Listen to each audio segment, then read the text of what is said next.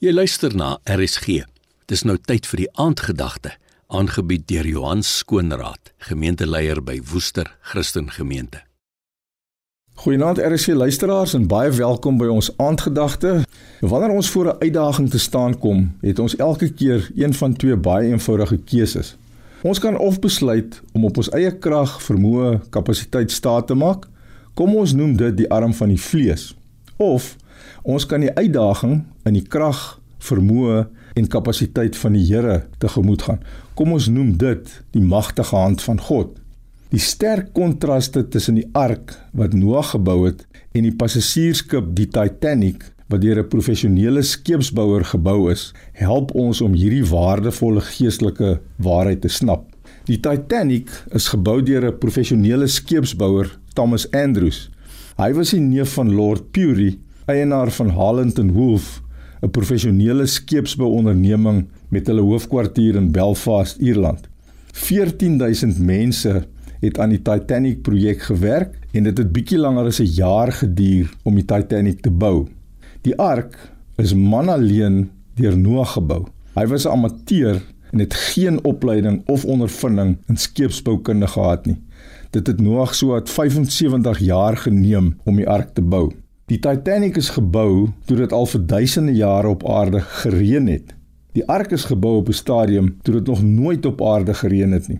Die Titanic het 10 dekke of vlakke as ook 3 engines gehad.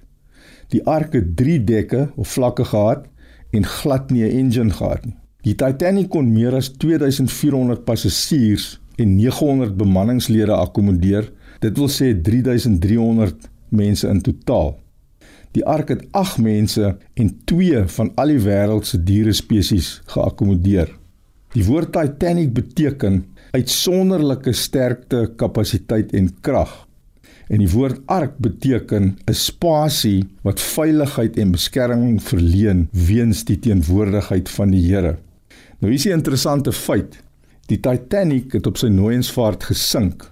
Die ark het die grootste storm in mensejeugenis deurstaan. Dit bring my by die belangrike punt. Noag, 'n amateur en heeltemal onkundig in die maritieme omgewing, was totaal afhanklik van die Here. Hy was tot in die fynste detail gehoorsaam aan God se instruksies tydens die bou van die ark en hy het nie op sy eie vermoëns staat gemaak nie.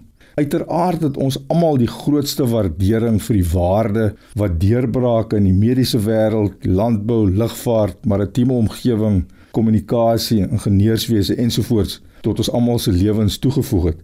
Maar die belangrike waarheid hier is dat ons almal in groot afhanklikheid van God moet leef eerder as om vanuit ons eie vermoëns en ons eie beperkte kapasiteit dinge te probeer doen. Dit was die aandgedagte, aangebied deur Johan Skoonraad, gemeenteleier by Woester Christen Gemeente.